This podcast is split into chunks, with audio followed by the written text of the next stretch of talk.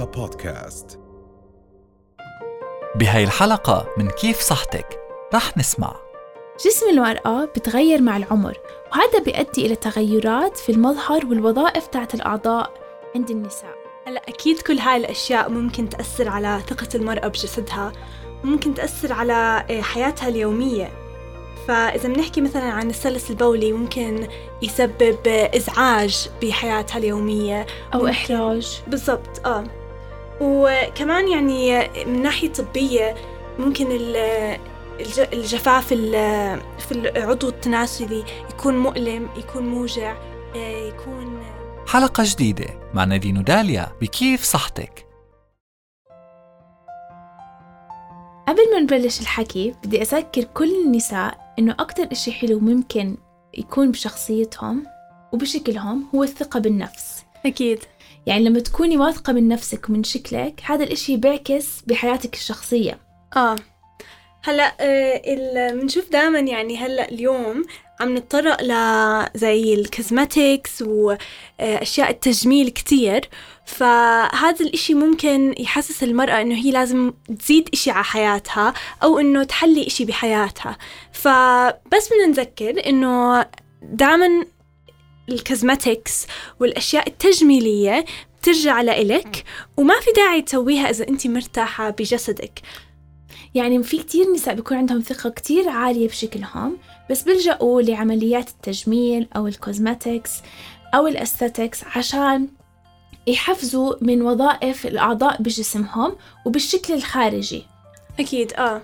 نحن عم نحكي هاي الأشياء لأنه عم نحكي عن ال cosmetic أو ال aesthetic gynecology اليوم الاسم الأنسب aesthetic لأنه جزء من هذا ال- المجال بيتضمن فيه آه تجميل يعني جزء منه التجميل مش بس ال- التحسين وظائف بالضبط. هو أكيد في منه تحسين من وظائف آه وظائف الأعضاء التناسلية بس كمان في جزء منه تجميل. آه.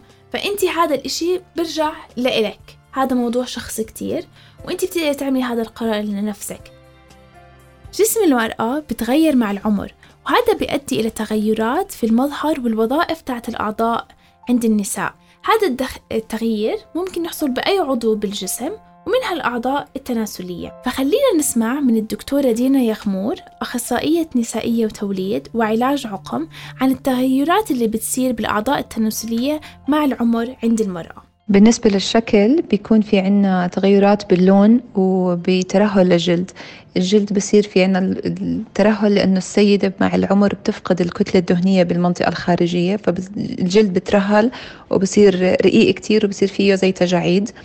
الإشي الثاني إنه اللون بيختلف بصير المنطقة أغمق وخصوصا مع العمر ومع ال- الالتهابات المتكررة اللي بتصير عند السيدة. وكمان مع الولادات لأنه التصبغات بتصير من مادة الميلانين اللي بتزيد من تصبغات الجلد. آه، كمان هاي بتلجأ للسيدة لوقتها للتجميل أو للأستاتكس بشكل عام لأنه بتصير بدها تفتح هاي المنطقة. آه، وبالنسبة للوظيفة عادة آه، مع العمر بتفقد الكولاجين بالمنطقة بصير في ترهل بالعضلات وهذا كلياته بي- بيؤدي لسلس بول بيؤدي ل آه، بمنطقة المهبل بصير في عندها عدم رضا بالعلاقة الزوجية بصير في عندها برود جنسي ولما يصير في جفاف مهبلي كمان بيؤدي لألم أثناء العلاقة الزوجية. وخصوصا لما السيدة توصل بعمر إنه قربت تقطعها الدورة الشهرية بقل الأستروجين بجسمها هذا كلياته بيؤدي لجفاف بيؤدي لبرود جنسي وبيؤدي كمان لسلس بولي.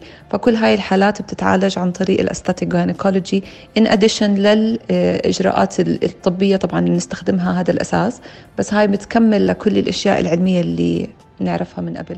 هلأ أكيد كل هاي الأشياء ممكن تأثر على ثقة المرأة بجسدها ممكن تأثر على آه، حياتها اليومية.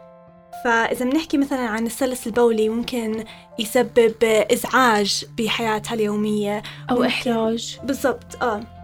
وكمان يعني من ناحية طبية ممكن ال- الج- الجفاف ال- في العضو التناسلي يكون مؤلم يكون موجع آه، يكون يعيق الحياة اليومية. آه بالضبط. وهالأشياء ممكن زي ما حكت الدكتورة دينا إن تعالج نعالجها عن طريقه طبيه وال aesthetic gynecology اللي هو تجميل الأعضاء التناسلية بحفز على آه، تطوير آه، وظائف الأعضاء التناسلية وشكلها الخارجي. فخلينا نسمع أكتر آه، عن إيش هو بالضبط ال aesthetic gynecology اللي هو تجميل الأعضاء التناسلية. ال aesthetic gynecology بنسميه aesthetic مش cosmetic gynecology عشان هو آه، كل ال procedures أو الإجراءات اللي بنعملها جراحيا أو غير جراحيا بس مش بس بتتضمن التجميل كشكل هي بتتضمن التجميل زائد الوظيفة تبعت الأعضاء التناسلية عند السيدات. طب خلينا نتعرف على الإجراءات الغير جراحية لل aesthetic gynecology بتتضمن الإجراءات بالعيادة استخدام أكثر من مواد وأجهزة آه، وكل إجراء وكل آه، جهاز فيه له استخدامات. بنستخدم البلازما ممكن نستخدم ال fillers في مواد للتقشير لتفتيح المناطق الحساسة وفي عنا أجهزة زي جهاز ال radio frequency والليزر لتضييق المهبل بعد الولادة أو مع الولادات المتكررة. يعني في أكثر من طريقة وعملية عمليات غير جراحية وحسب احتياجات المرأة ورغبتها بتقدر تنقي الإجراء المناسب إلها ولحياتها. okay طب خلينا نعرف عن نتعرف على أكثر الأسباب اللي ممكن تلجأ لها السيدة أو البنت بال aesthetic gynecology في إجراءات تجميلية بتنعمل عشان الشكل الخارجي عند السيدة بالمنطقة التناسلية. ممكن تكون جراحية أو غير جراحية. وفي إجراءات بتنعمل للوظيفة زي لما المريضة تكون عم تشكي من سلس بولي من الدرجات الخفيفة. ممكن تشكي من البرود الجنسي آه، عدم الرضا بالرغبة بالعلاقة الزوجية أو ترهل بالمهبل. أو بتكون ممكن كمان لما يكون في عندنا المنطقة لونها صار أغمق من قبل فبتكون مش راضية عن هاي الشغلة فبتلجأ لل aesthetic gynecology يعني في أكثر من طريقة. طب خلينا نسمع أكثر عن البلازما. آه، عادة بنسحب عينة من دم المريضة وبنفصلها بجهاز معين عشان نستخرج مادة البلازما اللي هي غنية بالصفائح. هاي بتكون آه، كتير غنية بال growth factors عوامل النمو. وبنحقنها بمناطق معينة آه، بتكون وقتها بدها تنشط الأوعية الدموية وتنشط الخلايا وتجديد الخلايا خصوصا الخلايا العصبية. فهاي كتير بتستخدم لحالات البرود الجنسي والجفاف المهبلي. بتعمل تنشيط للمهبل كامل من ناحية الدورة الدموية. وكمان لما يكون عند المريضة آه، سلس بوري من الدرجات الخفيفة كمان ممكن نستخدم البلازما. هلا ممكن يكون عند السيدات مخاوف إنه كيف هاي العملية بتصير وهل هي موجعة وفي أعراض جانبية. آه. خلينا نسمع من الدكتورة دينا إيش هي كيف العملية بتصير وإذا في أي أعراض جانبية. آه، مدة الجلسة تبعت البلازما بتاخد تقريبا ربع ساعة عشر دقايق منها هي سحب العينة وفصلها. والإنجكشن بيكون الحقن بيكون يعني ما بياخد يعني ثواني هي غزة إبرة. مؤلمة ألم بسيط لأنه غزة إبرة بس عادة بنستعمل الإبر اللي كتير صغار فمش كتير بتحس فيها المريضة ممكن يكون في ألم بسيط. بالنسبة للأعراض الجانبية هي توتالي سيف آمنة جدا وبدون آثار جانبية أبدا لأنها بتعتمد على حقن مواد ذاتية من نفس المريضة فهذا ما بيخلي لها أعراض جانبية. يعني الموضوع له إيجابيات أكثر من سلبيات. آه بس في طريقة كمان موجات تردد أو اللي بالإنجليزي هي radio frequency. خلينا نسمع عنها. آه، أجهزة الراديو فريكونسي بالعيادة بنستخدمها لأكثر من آه، سبب منها بعد الولادات المتكررة عادة بصير في ترهل بمنطقة المهبل فبصير في ارتخاء بالعضلات.